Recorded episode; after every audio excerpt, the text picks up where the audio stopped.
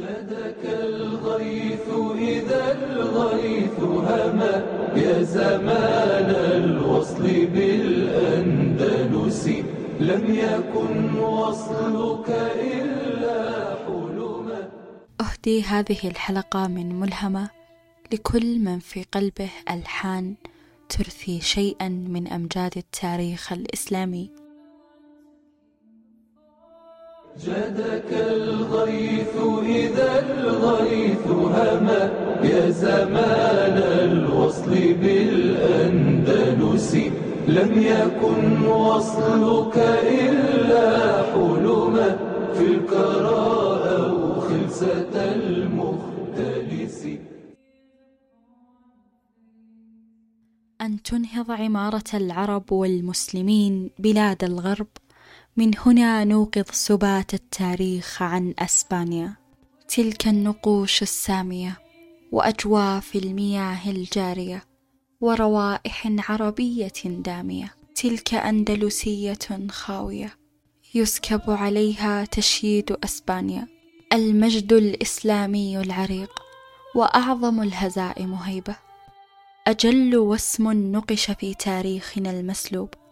إن عمارة الأندلس هي التي جعلتها أسبانيا. عمارة عربية إسلامية عمارة أندلسية. كان الدرب إليها مبهما غائبا عن الخواطر. إلى أن جعل القائد البربري من فتحها هدفا ساميا بلوغه يحقق النصر للمسلمين. وكانت أسبانيا بغية بديهية فتحها والاستيلاء على غنائمها يمثل تسلسلا طبيعيا لفتوحات المسلمين آنذاك. سبق الفتح العظيم لأسبانيا سنينا طوال. بها دمت دماء الأبرياء وبها شيدت حروب خاسرة ومعارك بها سفك دم عقبة بن نافع القائد العظيم. سنون فتح بها المسلمون المغرب كقاعدة أمنية. تدرج التسلسل لفتح أسبانيا. قوة المسلمين آنذاك قوة حربية هجومية. هدفها سام ونبيل وصيتها يجتاح مع كل فتح بلاد شاسعة. مواجهين شعوب أصيلة قوية كالإيبيريون والفينيقيون والرومان وصناع الأدب في هذه الديار. كأمثال سينيكا ولوكان والأديب كولومبيلا وصناع التاريخ البيزنطي كقسطنطين وشعوب روما.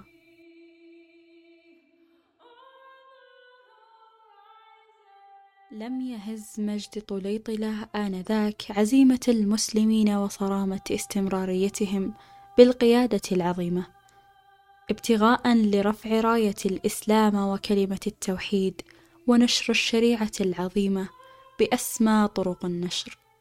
ألا وهي واسم اسم الإسلام والمسلمين على جوانب كل مدينة تشتم أفقها راية المسلمين السامية.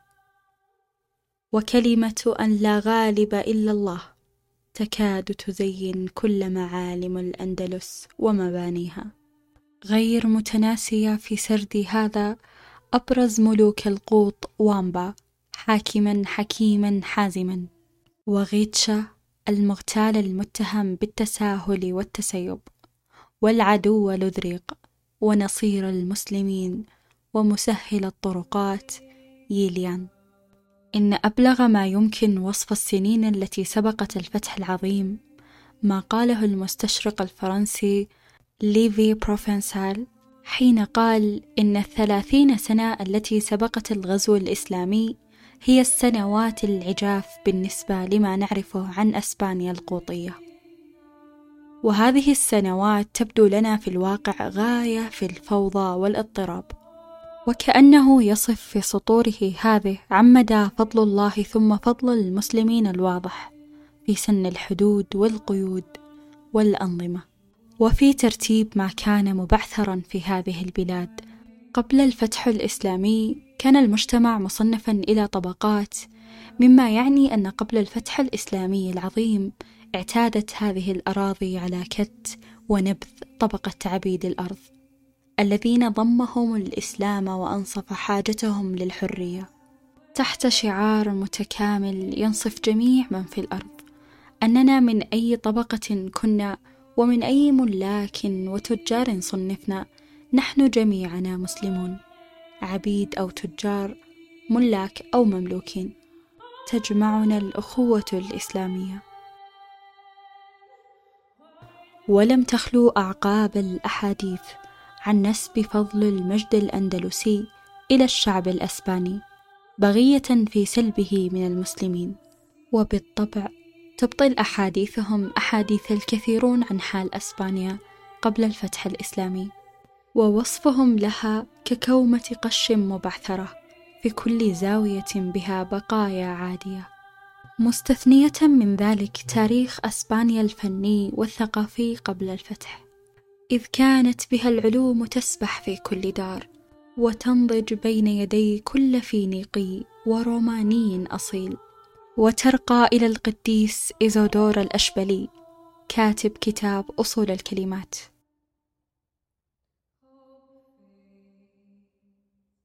أسبانيا ذات تاريخ عريق. أشعل بداخلي ولع لم يكن مضيئا من قبل عن أي تاريخ. لأول مرة أجدني أتحدث وأقرأ بشغف لم يكن موجودا من قبل بداخلي عن أي موضوع تاريخي. لأن أسبانيا مرت بمراحل ملهمة في كل شيء حتى في مسماها. كانت أشبانيا وأسبانيا وهسبانيا وأسبانيا.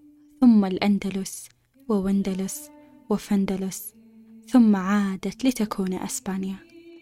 أسبانيا وطن كبير يحوي بداخله مرسيا وأيولا ومدن عدة كأمثال برشلونة وإشبيلية وماردا. بدأ كل شيء منظما مجهزا ومندفعا وأتى طارق بن زياد مكملا لكل هذه التنظيمات العظيمة. أتى طارق بن زياد وأتت معه الحكمة والفتح المنظم وازدادت الجيوش به قوة وتعالت أمانيه إلى سبتة. مع حيازته على القيادة بانت التطورات التي طرأت على أساليب المسلمين القتالية وبرزت مكامن القوة المحكمة التي مهدت لبداية عهد المجد الأندلسي. حكمته جعلت الجيوش الإسلامية تدخل أسبانيا دون مقاومة تذكر. للتوقيت المثالي الذي أختير لدخول الأندلس حين سهو ملكها لذريق في إخماد ثورة ما شمال البلاد. أساليبه كانت تتترجم في مفهوم بسيط وهو إما الفتح أو الشهادة.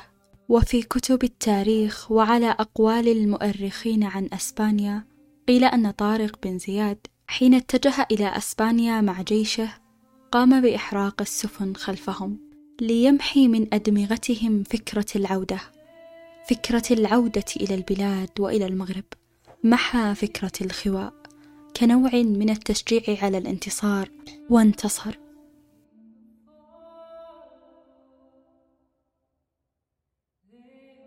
إلى أن توالت السنين وانطوت أيام النصر والعزة شيئا فشيئا وأوصلت دائرة الزمان المسلمين إلى فاجعة الهزيمة وسلب الأندلس الهزيمة التي جلبتها الشهوات والانغماس بها التي لم يحسب لها ويتفكر بها القادة العظماء الذين لم تكن بين يديهم إرادة غير إرادة الفتح والتطور.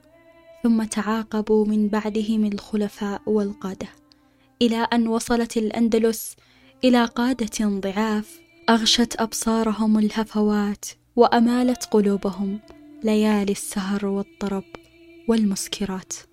وشكل عصر الفتنة بداية النهاية لكل تلك الأمجاد. وسقطت الأندلس لتتبعثر وتتشكل بها دويلات كثيرة.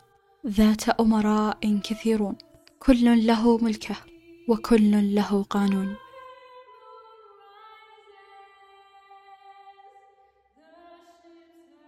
ما زلنا نذكر أندلسا نبكيها في صبح ومساء. ما زل اذكر أندلسا نبكيها في صبح ومساء ليست أندلسا واحدة فلكم ضيعنا أندلسا. وفي وصف عميق لحال الأندلس آنذاك يقول ابن الكردوس بعد أن انقطع اسم الخلافة من الجزيرة دارت الدوائر وفسد حال الرائس والمرؤوس. وارتفع كل خامل وخسيس وثار الثوار واشتعلت بكل مكان النار.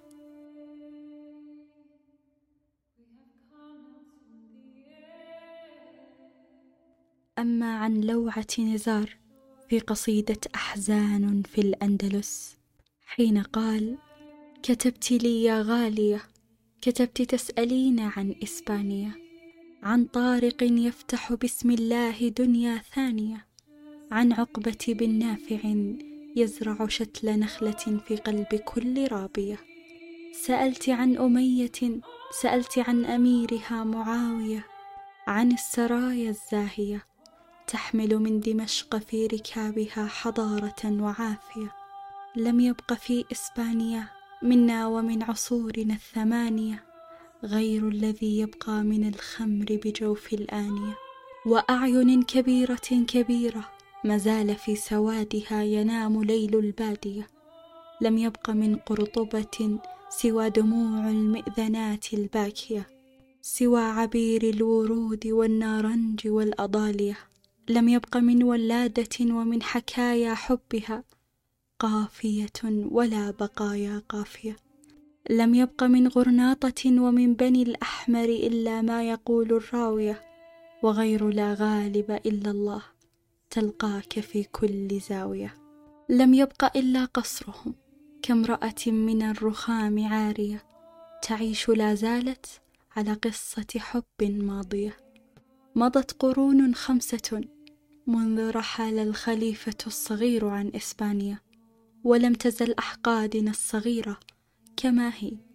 ولم تزل عقلية العشيرة في دمنا كما هي.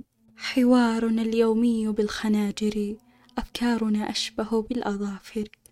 مضت قرون خمسة ولا تزال لفظة العروبة كزهرة حزينة في آنية. كطفلة جائعة وعارية نصلبها على جدار الحقد والكراهية. مضت قرون خمسة يا غالية كأننا نخرج هذا اليوم من أسبانيا.